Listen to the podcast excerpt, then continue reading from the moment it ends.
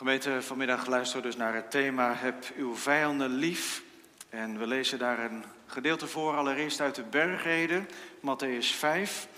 Daar lezen we de versen 21 tot 48 uit. En aansluitend twee korte gedeelten, eentje uit Deuteronomium 22 en één uit Exodus 23.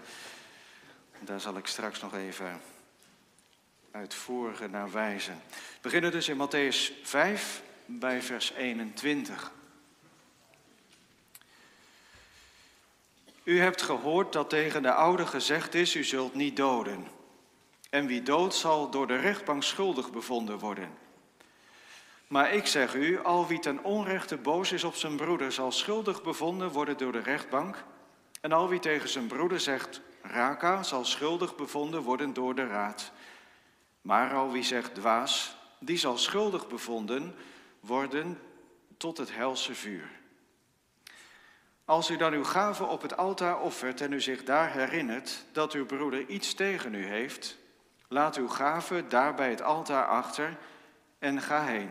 Verzoen u eerst met uw broeder en kom dan terug en offer uw gave.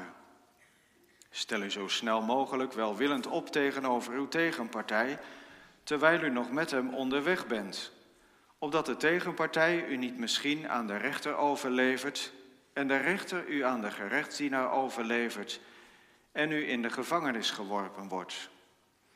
Voorwaar, ik zeg u, u zult daar beslist niet uitkomen voordat u de laatste kwadrant betaald hebt. U hebt gehoord dat tegen het voorgeslacht gezegd is, u zult geen overspel plegen. Maar ik zeg u dat al wie naar een vrouw kijkt om haar te begeren, in zijn hart al overspel met haar gepleegd heeft. Als dan uw rechteroog u doet struikelen, ruk het uit en werp het van u weg, want het is beter voor u dat een van uw lichaamsdelen te gronden gaat en niet heel uw lichaam in de hel geworpen wordt. En als uw rechterhand u doet struikelen, hak hem af en werp hem van u weg, want het is beter voor u dat een van uw lichaamsdelen te gronden gaat en niet heel uw lichaam in de hel geworpen wordt. Er is ook gezegd, wie zijn vrouw verstoot, moet haar een echtscheidingsbrief geven. Maar ik zeg u dat wie zijn vrouw verstoot om een andere reden dan hoererij, maakt dat zij overspel pleegt. En wie met de verstotene trouwt, pleegt ook overspel. Verder hebt u gehoord dat tegen de oude gezegd is, u zult de eed niet breken, maar u zult voor de Heere uw eden houden. Maar ik zeg u, zweer in het geheel niet. Niet bij de hemel, want dat is de troon van God. Niet bij de aarde, want dat is de voetbank van zijn voeten. En ook niet bij Jeruzalem, want dat is de stad van de grote koning. Ook bij uw hoofd mag u niet zweren, want u kunt niet één haar wit of zwart maken. Laat uw woord ja echter ja zijn en uw nee nee. Wat hier bovenuit gaat, is uit de boze. U hebt gehoord dat er gezegd is oog voor oog en tand voor tand. Ik zeg u echter dat u geen weerstand moet bieden aan de boze, maar wie u op de rechterwang slaat, keer hem ook de andere toe. En als iemand u voor het gerecht wil dagen en uw onderkleding nemen, geef hem dan ook het bovenkleed. En wie u zal dwingen één mijl te gaan, ga er twee met hem.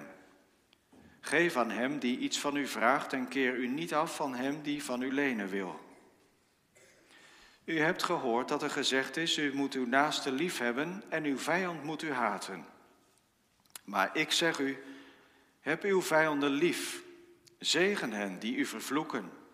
Doe goed aan hen die u haten en bid voor hen die u beledigen en u vervolgen, zodat u kinderen zult zijn van uw Vader die in de hemelen is. Want hij laat zijn zon opgaan over slechte en goede mensen en laat het regenen over rechtvaardigen en onrechtvaardigen.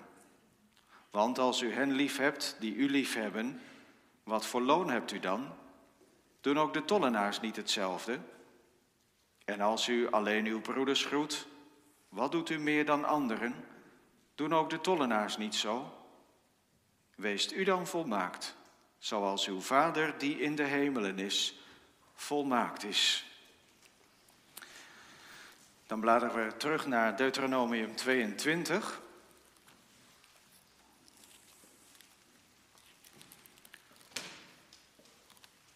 Deuteronomium 22 en daar lezen we de versen 1 tot en met 4 van.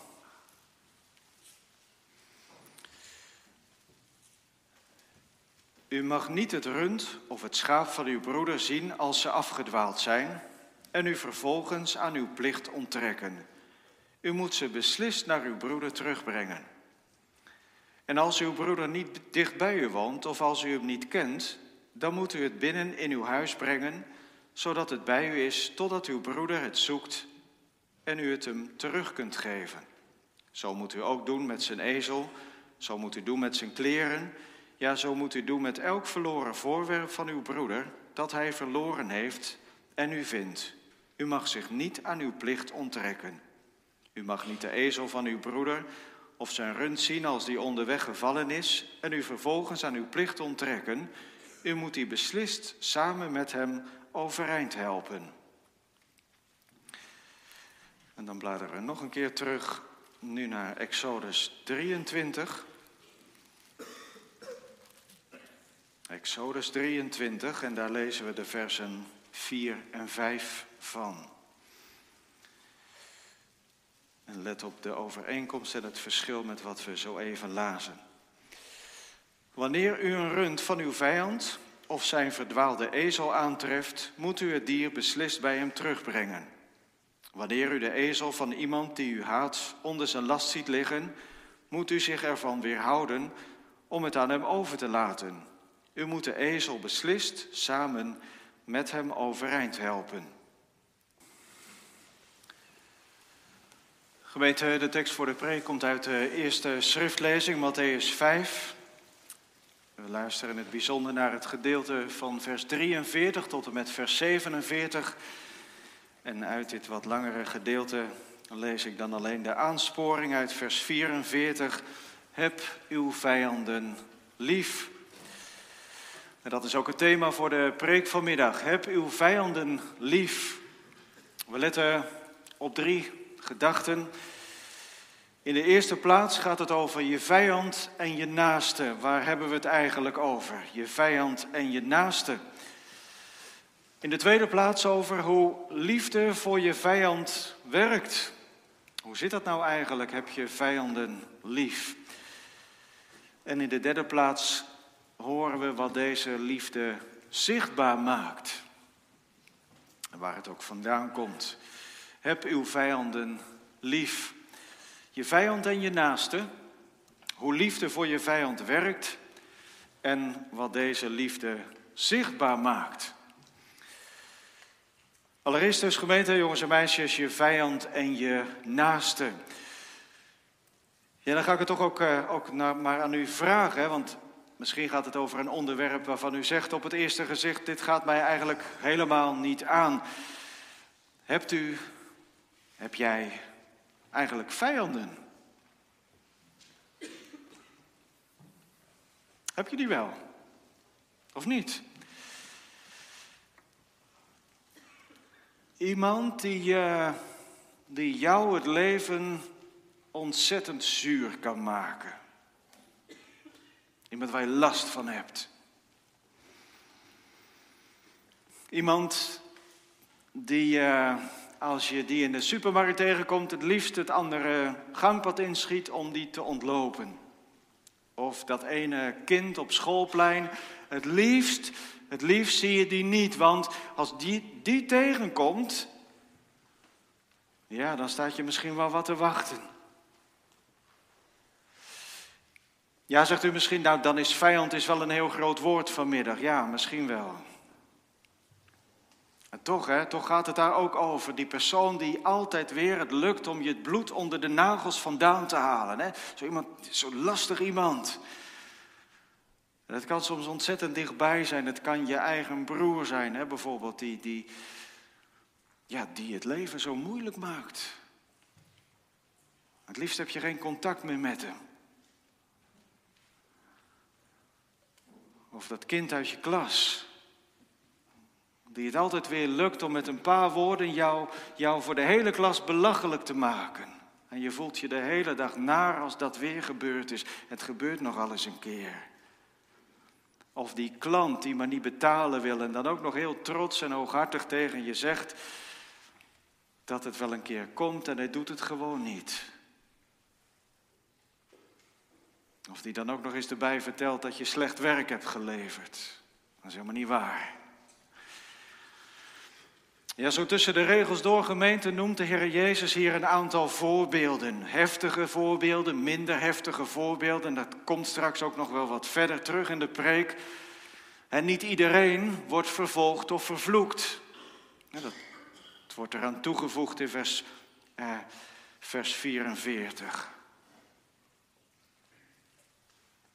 Maar een belediging is toch wel snel gemaakt. En wat kun je daar ongemakkelijk onder voelen?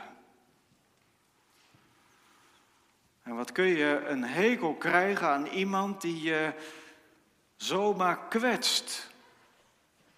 Terwijl er helemaal geen aanleiding voor geweest is. En ja, zelfs als die er wel was, dan nog. Van die mensen waarvan je soms ineens kan denken: wat heb ik eigenlijk een hekel aan die mensen? Ja, wat denk je van die tollenaars? De Israëlieten die kwamen ze geregeld tegen. En zeker als je een beetje in de handel zat, dan, dan kwam je die geregeld tegen. Dat je kon daar niet omheen om die mensen. Dat, daar was je aan verplicht. Die tollenaars, meestal zijn ze niet eerlijk. Ze laten je meestal te veel betalen. Die mag je toch zeker niet? Die benadelen je elke keer als je ze tegenkomt. Dan, En je kan er niks van zeggen. Hè? Dat, dat geeft dat machteloze gevoel ook. Je kan er niet tegen op. Je moet wel. En dan broeit er iets van binnen als je weer zo'n tollenaar tegenkomt. En je het liefst dan, dan zou je het eens een keer stevig zeggen. De gemiddelde Jood in de dagen van de Heer Jezus, die spoog eerst verachtelijk op de grond als hij een tollenaar tegenkwam en vervolgens draaide hij zijn hoofd de andere kant op en liep weg. En dat, dat was ook de manier waarop dat dan in de traditie werd doorgegeven. Hè? Van, dat zie je je vader doen en als kind dan doe je dat je vader na, want je bent trots op je vader. Dus als jij als kind dan later zo'n tollenaar tegenkomt, dan spuur je ook op de grond en dan draai je ook je hoofd om als je er een tegenkomt. Zo werd dat in de traditie geleerd, zo werd dat aan in de traditie doorgegeven aan elkaar, alsof het een bijbelse waarheid is. U moet uw naaste lief hebben en uw vijand moet u haten.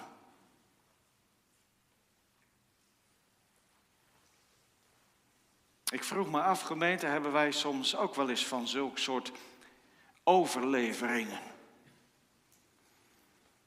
Van die standaard uitdrukkingen, je hebt ze gezegd voordat je, voordat je het in de gaten hebt. Je denkt er ook nauwelijks over na, zo is het gewoon. Oh, die buitenlanders weer. Gewoon keihard aanpakken. Of Oh, die homo. Ik had het al wel gedacht. Dat, dat soort tradities. Die nog sterker lijken als er een woord van de Heer op een of andere manier aan te verbinden lijkt.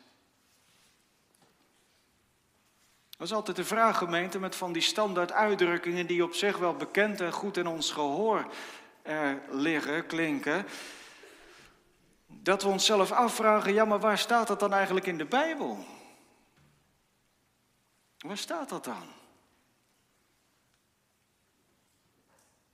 We hebben het wel gehoord en het klinkt vertrouwd, want Mijn vader deed het zo en die had het weer van zijn. Dus een hele lange traditie zit er achteraan. Maar waar staat het nou precies in de Bijbel, die spreuk die hier als zo vanzelfsprekend al generaties lang is doorgegeven, van de oude notabene, gezaghebbende mensen? Waar staat het? Ja, weet ik niet precies, zeg je dan.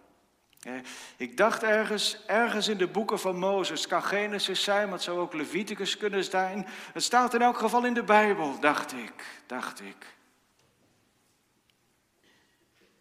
Ja, gemeente, als, als het zo gaat, dan moet je altijd ontzettend oppassen. Want als de duivel aan het werk gaat, dan gaat hij altijd zo aan het werk. Iets bekends, iets vertrouwds, iets wat ook nog bijbels klinkt.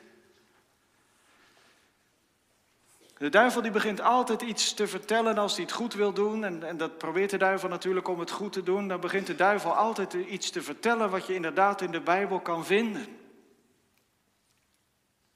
Want ja, daar ben je mee groot geworden. Dat klinkt goed. Woord van God, dat moet het zijn. Dan krijg je ook het gevoel dat je aan de goede kant zit. Maar wat doet de duivel dan? Nou, meestal laat hij dan iets weg of hij voegt er iets aan toe. En in dit geval, in deze tekst die wij dan lezen met elkaar, daar heeft hij het allebei gedaan. Hij heeft iets weggelaten en hij heeft iets eraan toegevoegd. Heb je naaste lief. Gemeente, dat staat echt in de Bijbel. Zo een keer of vijf, zes, zeven, letterlijk staat dat in de Bijbel. In elk geval in Matthäus 19, ook in Leviticus 19 vind je die uitspraak. Maar elke keer als het er staat als een opdracht van God, dan staat er iets achter. Heb je naaste lief als jezelf. En dat hadden ze in de traditie gaandeweg weggelaten. Want ja, je naaste liefhebben, dat is op zich goed. Maar ik ben zelf toch wel iets beter dan mijn naaste. Dus ik heb mezelf echt het meest lief. Dat zeiden ze natuurlijk niet, dat, dat, dat, dat past niet. Dus nou, dan laat je iets weg en dan klinkt het nog goed en het klinkt bijbels. Heb je naaste lief. Maar ook iets weggelaten als jezelf. dat, is, dat is trots, dat is hoogmoedig.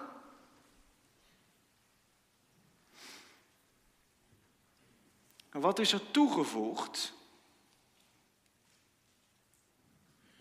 En uw vijand moet u haten. Gemeente, jongelui, blader heel je Bijbel maar door van begin tot het einde, van Genesis tot Openbaring. En je vindt het helemaal nergens dat je je vijand moet haten.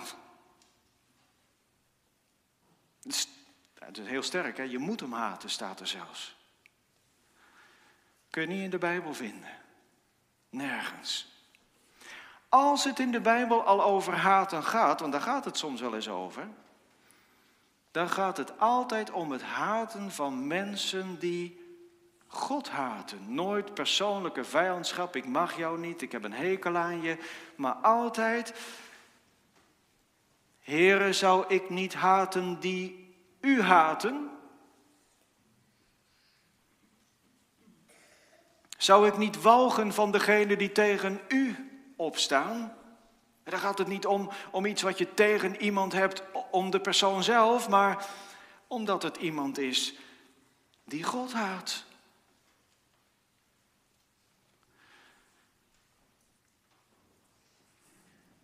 Maar nooit persoonlijk. Nou, wat doet de Heer Jezus met dat populaire misverstand? Jezus gaat terug naar de bedoeling van zijn vader. En dat doet hij eigenlijk in het hele hoofdstuk hier, wat we met elkaar hebben gelezen. De Heer Jezus gaat telkens weer terug naar zoals zijn vader het oorspronkelijk heeft gezegd. En zoals zijn vader het oorspronkelijk aan het volk van God geleerd heeft. En, en de Heer Jezus trekt dan de lijn door en hij zegt, en zo gaat het nu ook in het koninkrijk der hemelen. Daar gelden hemelse normen. In plaats van die populaire ideeën, ook al zijn ze al generaties lang in de kerk doorgegeven, maar in het koninkrijk van God gaat het toe volgens de norm van mijn vader. Misschien voel je me wel een beetje aankomen met die twee teksten die we ook uit het Oude Testament met elkaar hebben gelezen.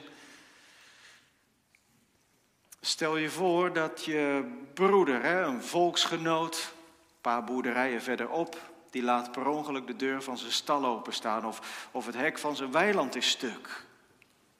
En zijn koeien lopen weg. En jij weet waar ze zijn. Wat doe je dan? Of de ezel van je broeder is gestruikeld, gevallen. En je broeder die staat daar wat te sjorren, maar die krijgt hem niet alleen weer op de been. Wat doe je dan?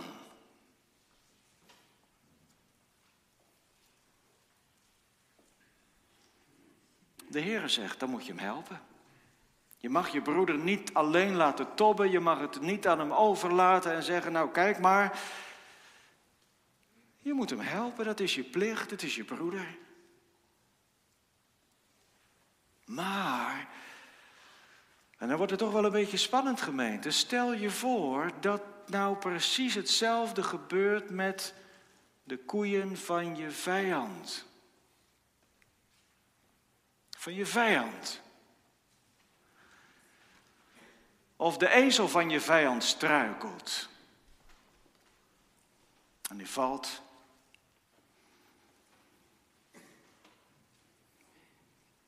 En zijn been zit klem onder zijn eigen dier.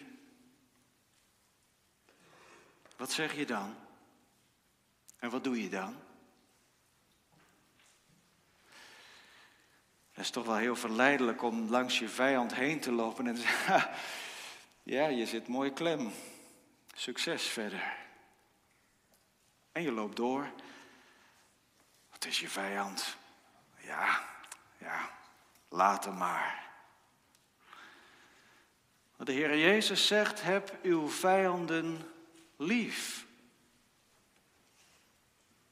Wat is de lesgemeente hier aan het slot van dit eerste punt? Je vijand, dat is je broeder. Je vijand, dat is ook je broeder. Of zoals de Heer Jezus dat later ook in een andere gelijkenis nog uitlegt, die, die, die bekende gelijkenis van de barmhartige Samaritaan. Je vijand, dat is je naaste. Je broeder, je naaste, dat, dat is eigenlijk hetzelfde. Je vijand is je naaste. Dus als ik mijn vijand, moet ik dan echt? Gemeente, we gaan naar het tweede punt van de preek. Dus die jongen uit mijn klas, als ik zie dat hij naar de bus rent om op tijd te zijn en zijn tas valt uit zijn hand en zijn boeken rollen over de vloer. Hij pest me altijd. Moet ik hem dan helpen om op tijd zijn bus te halen? Die vervelende buurman die over alles klaagt en over alles een probleem maakt. En op zaterdagavond zijn muziek veel te hard aanzet, kan ik niet slapen. Zegt u dan dat ik hem helpen moet als hij startproblemen met zijn auto heeft? Nou, hij wacht toch mooi op de ANWB. Wordt hij ook geholpen? Moeilijke gemeente. Toch? Want ik stel me zo voor dat u inmiddels ook wel een beetje aan uw eigen situatie denkt. Sommigen tenminste wel. Die ene, je weet wel.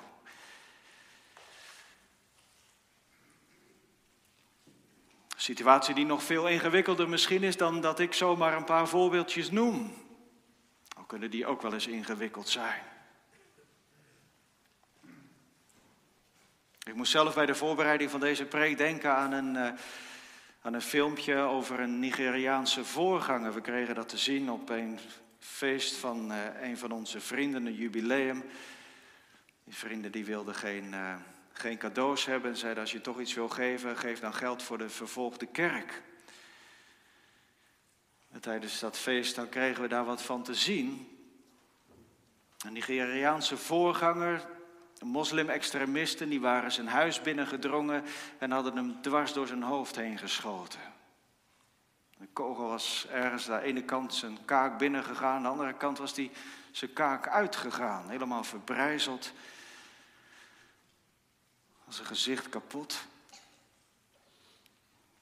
Hulp kwam heel laat op gang. Hij was doodsbang, voor zover hij het besefte, om beweging te maken. Bijna doodgebloed. Maar wonder boven wonder bleef deze man in leven en hij heeft inderdaad dan toch hulp gekregen, lange weg van herstel. Ik zie hem nog zo voor in dat filmpje waarin hij vertelde over wat hem overkomen was.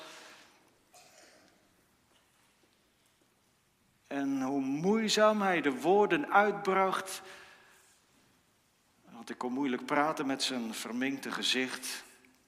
En dat hij zei: I don't hate them. I love them. I pray for them. Heel ontroerend om dat filmpje te zien en dan zulke woorden te horen. Ik haat mijn vijanden niet.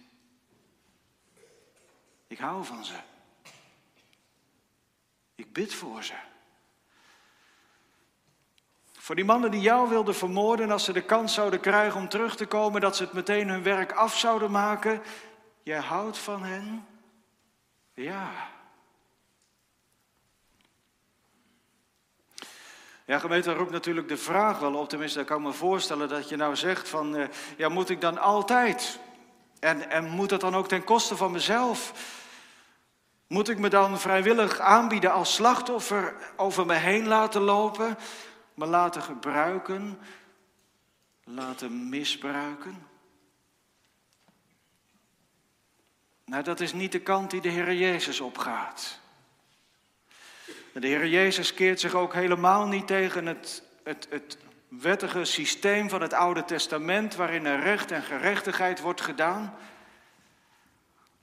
Er is plaats voor rechtvaardigheid, voor het straffen van daders en dat is ook waar de Heer Jezus voor is.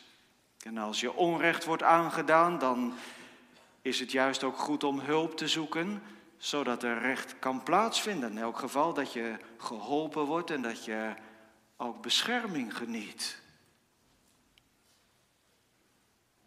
En tegelijk in die werkelijkheid zegt de Heer Jezus, heb je vijanden lief. Ja, hoe moet dat dan? Hoe kan dat dan? Ik lees de woorden die erop volgen op, de, op het thema van de preek. Eigenlijk als een nadere uitwerking toch wel van, van dat thema. Zegen hen die u vervloeken. Doe goed aan hen die u haten. Bid voor degenen die u beledigen en u vervolgen.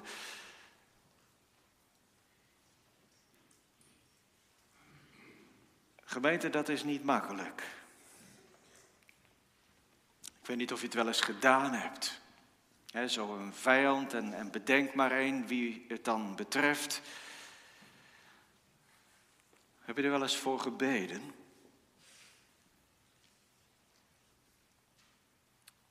Gewoon je handen gevouwen. En een gebed voor die persoon in kwestie tot God opgezonden dus niet alleen voor jezelf bidden, Heer, wilt u mij, zoals we de eerste psalm zongen vanmiddag. Dat de Heer je bevrijdt van die vijandschap en van degene die je geweld aandoen. Dat, dat gebed dat klinkt op en dat wordt ook verhoord. Soms door de Heer, ook niet altijd in dit leven. Dat is een gebed voor jezelf, maar nou ook een gebed voor diegene die jou dat aandoet. weet, dat is ongelooflijk moeilijk. Dat lukt je zomaar niet, denk ik. Want dan ga je elk woord dat je zegt tegen de Heer, ga je zwaar wegen. Wil ik dit echt voor mijn vijand vragen die mij dit en dat aandoet, heeft aangedaan? Die mij zo diep beledigd heeft, die mij zo zwaar gekwetst heeft, die, die zo op mijn ondergang uit is. Wil ik dit voor mijn vijand vragen? Weet, als je dan je handen vouwt, dan stuit je in je eigen hart op een geweldige weerstand. Gun ik die ander eigenlijk wel de zegen van de Heer? Weet bidden voor je vijand, dat is, dat is echt meer dan zoeken naar woorden om daar woorden aan te kunnen geven. En dat wordt een gevecht, misschien wel voor het aangezicht van God om dat te doen. Jezus zegt niks nieuws. Israël als volk van God moest ook in de omgang met vijanden licht voor de wereld zijn. Dat zit ook heel diep verankerd in het Oude Testament, dat, dat de volken rondom aan Israël konden zien, deze mensen gaan anders met hun vijanden om dan wij dat gewend zijn te doen. En zo vind je bijvoorbeeld, zomaar een klein voorbeeldje eigenlijk, tekst uit Spreuken 25, vers 21, dat, dat daar wordt gezegd, als iemand die u haat honger lijdt, geef hem brood te eten. En als hij dorstig is, geef hem te drinken. De Heere zal het u vergelden. Die tekst uit Spreuken 25, die neemt Paulus ook weer op in Romeinen 12. En dan voegt hij daar nog aan toe, overwin het kwade door het goede.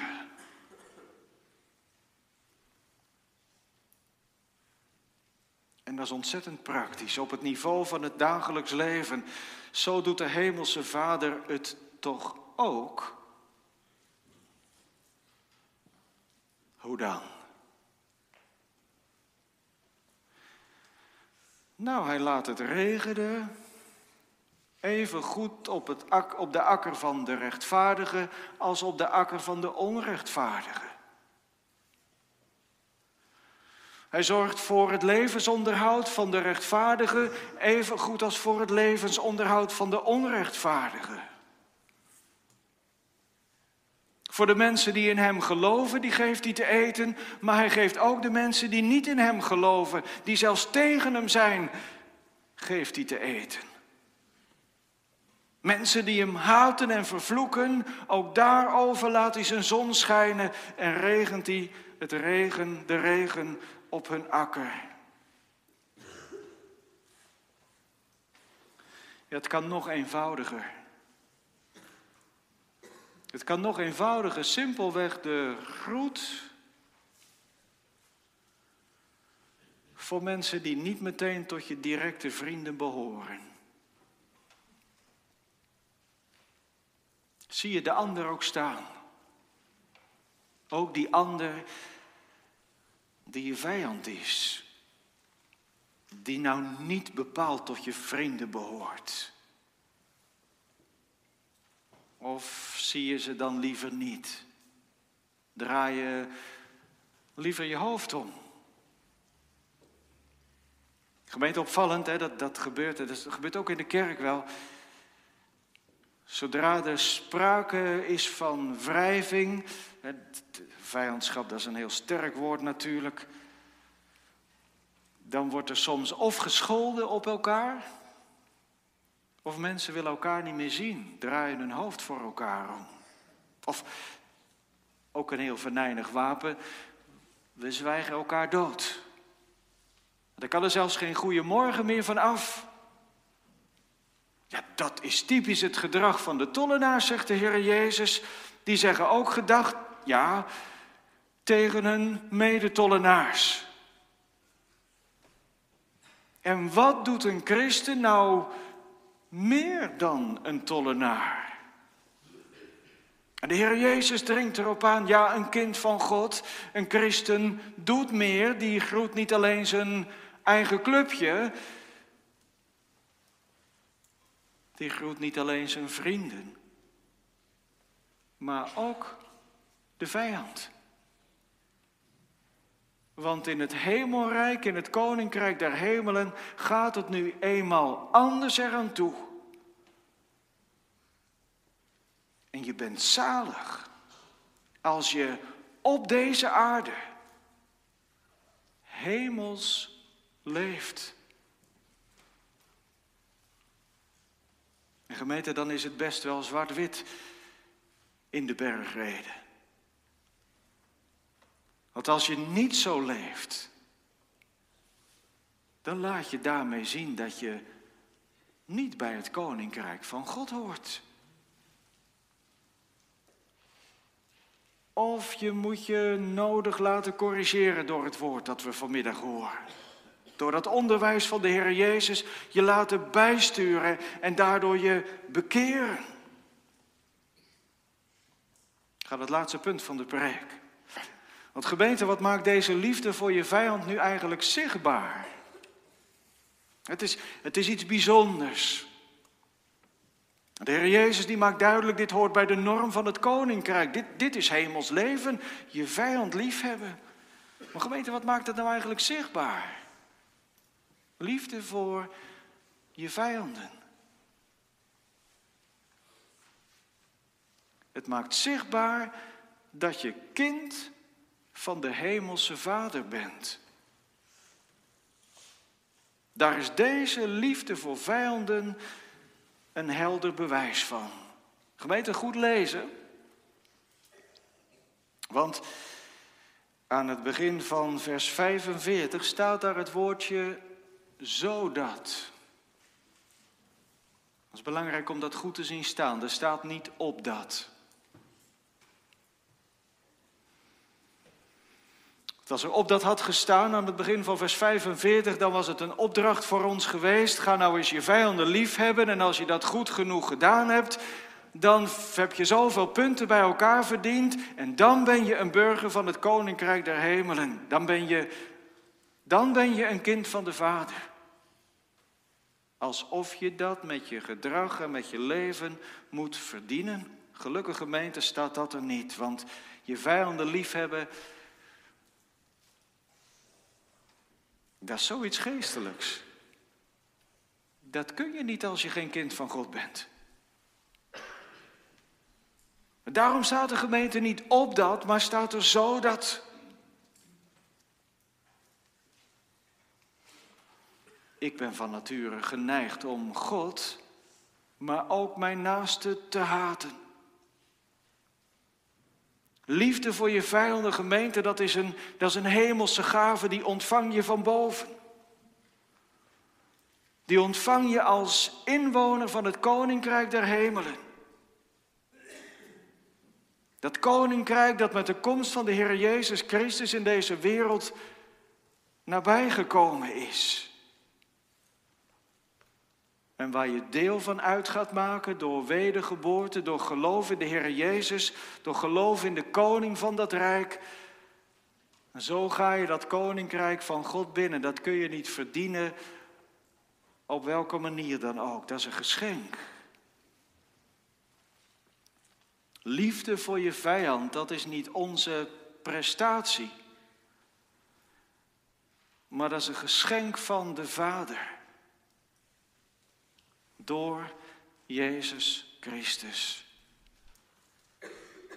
Iemand zei het eigenlijk heel mooi, vond ik dat. Die zei, de Heer Jezus zelf is als het ware een vooruitgeschoven post van dat koninkrijk midden in de gevallen wereld. Een vooruitgeschoven post van het koninkrijk der hemelen, maar rond die post, die vooruitgeschoven post, verzamelt hij zijn hemelburgers. we moeten dus eerst en voor alles bij die vooruitgeschoven post bij de Heer Jezus Christus zijn. Wil je het weten, gemeente, wat het betekent en wat het is? Wil je het leren om je vijand lief te hebben? Om hem te zien als je naaste en hem lief te hebben zoals jezelf? Wil je de liefde van de Vader voor vijanden zien. Kijk dan naar de Heer Jezus Christus. Want de Vader zelf gaat voorop in het geven van deze liefde voor vijanden. Vanuit Zijn liefde zendt Hij Zijn enige geboren Zoon in deze door en door vijandige wereld. Om vijanden te verzoenen met zichzelf. Gemeente dat. De liefde van de Vader, die gaat voor alles uit, voor onze liefde voor onze vijanden. Is de liefde van de Vader voor vijanden. En die vijandgemeente, dat ben ik en dat bent u. God zond zijn zoon in de wereld om vijanden met God te verzoenen door de dood van zijn zoon. Zoveel liefde moest de vader hebben. Dat hij zijn enige geboren zoon in de wereld zond. Dus gemeente, waar begint liefde voor vijanden? Die begint bij God. En die gaat door de Heer Jezus Christus heen. En wie door de Heer Jezus Christus, door het wonder van de Heilige Geest is aangeraakt door die overweldigende liefde van de Vader voor zondaren. Die wil graag worden zoals Hij. Als je de diepte ontdekt van die door en door bekende tekst, Johannes 3, vers 16, ik denk dat iedereen hem wel dromen kan, hoop ik tenminste ook wel. Zo lief heeft God de wereld gehad dat hij zijn enige geboren zoon gegeven heeft. Zo lief heeft God de wereld gehad. En dat die wereld is in het evangelie van Johannes altijd, altijd die, die, die, die rebelse wereld. Die wereld van opstand, van vijandschap, van afkeer van God. Zo lief heeft God die wereld gehad. En die wereld, die zit van huis uit in mijn hart. Die vijandschap tegen God en die haat en die afkeer van mijn naasten. En dat de Vader nou uitgerekend die wereld zo lief heeft gehad dat hij zijn enige geboren zoon heeft gegeven toen wij nog zondaars waren. Dus niet op het moment dat ik goed genoeg mijn best heb gedaan en al liet zien dat ik een aardig eindje op weg ging. Nee, toen wij nog vijanden waren. Met God verzoend door de dood van zijn zoon. Nou gemeente, daar begint het. Als je overweldigd bent geraakt tot het diepst van je bestaan. En zoals we dat net met elkaar ook hebben gezongen op Psalm 116. God heb ik lief. Hij vond mij in het diepst van mijn ellende. Door de geest opnieuw geboren, omdat ik de Heer Jezus leerde kennen.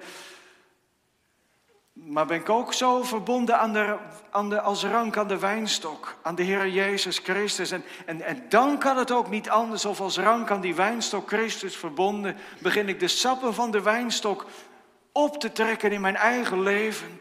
Die wijnstok zelf, die stuwt dat nieuwe leven in mij door, zo moet ik het zeggen. En geweten, dan kan het ook niet anders. Of aan mijn wijnrank, die van mijn leven, begint ook de vrucht van het nieuwe leven in de Heer Jezus Christus te groeien. En, en, en begint het aan te slaan en begint het door te dringen. Dat, dat machtige woord, dat wonderlijke woord ook. Heb uw vijanden lief.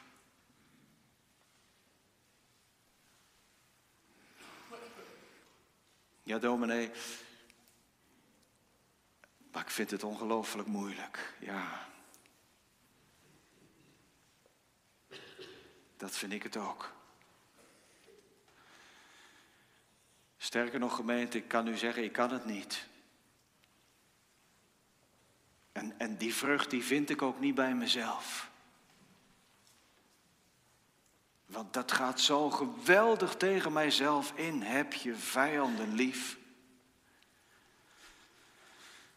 Gaat in tegen, tegen alles van mezelf, tegen mijn eergevoel, tegen mijn eigen waarde, tegen mijn gekrenkte trots. En misschien ben je wel geknakt tot in het diepst van je bestaan door wat een ander je aandeed, gemeente. Ik vind het niet bij mezelf. Het kan ook alleen maar door de Heilige Geest. De geest van het nieuwe leven in de Heer Jezus Christus. Maar dan gebeurt het wel. Ja, met vallen en opstaan, maar dat geldt voor elke vrucht van de geest in ons leven. Dat is nooit ineens een volgroeide vrucht. Dat is soms maar een heel klein knopje dat langzaam, langzaam groeit. En er moet ook heel veel in ons overwonnen worden voordat die groei kan doorzetten. Maar gemeente, het gebeurt wel. Als vrucht van de geest, de vrucht van de geest van Christus, de vrucht van de geest van de Vader. Want kinderen van de Vader, die gaan, het kan niet anders, die gaan gaandeweg op hun Vader lijken. Steeds een beetje meer. En als je dan ontdekt dat je het bij jezelf niet vindt, dan ga je als kind van de Vader er ook steeds een beetje meer om bidden. Dat je steeds wat meer op je oudste broer mag gaan lijken, op de Heer Jezus Christus. En, en dan vouw je je handen en dan zeg je, o geest, zend uw troost ons neer. Maar ook dat andere gebed, dat je op de Vader mag gaan lijken, op de Heer Jezus. O Zoon, maak ons uw beeld gelijk. En dat beeld van de liefde van de Vader, dat beeld dat uitgedrukt wordt in, in die kruisdood van de Heer Jezus Christus, die zichzelf gaf voor vijanden.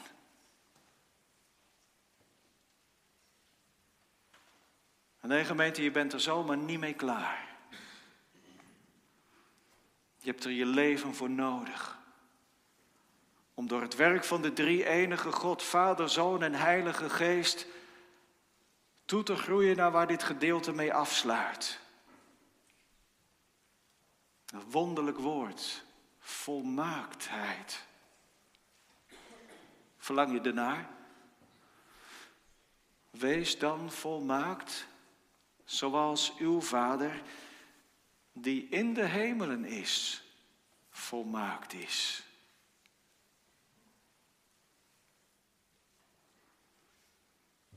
Opdracht van de Heer Jezus. Gemeente, waar zou je het anders halen dan bij Hemzelf? Amen.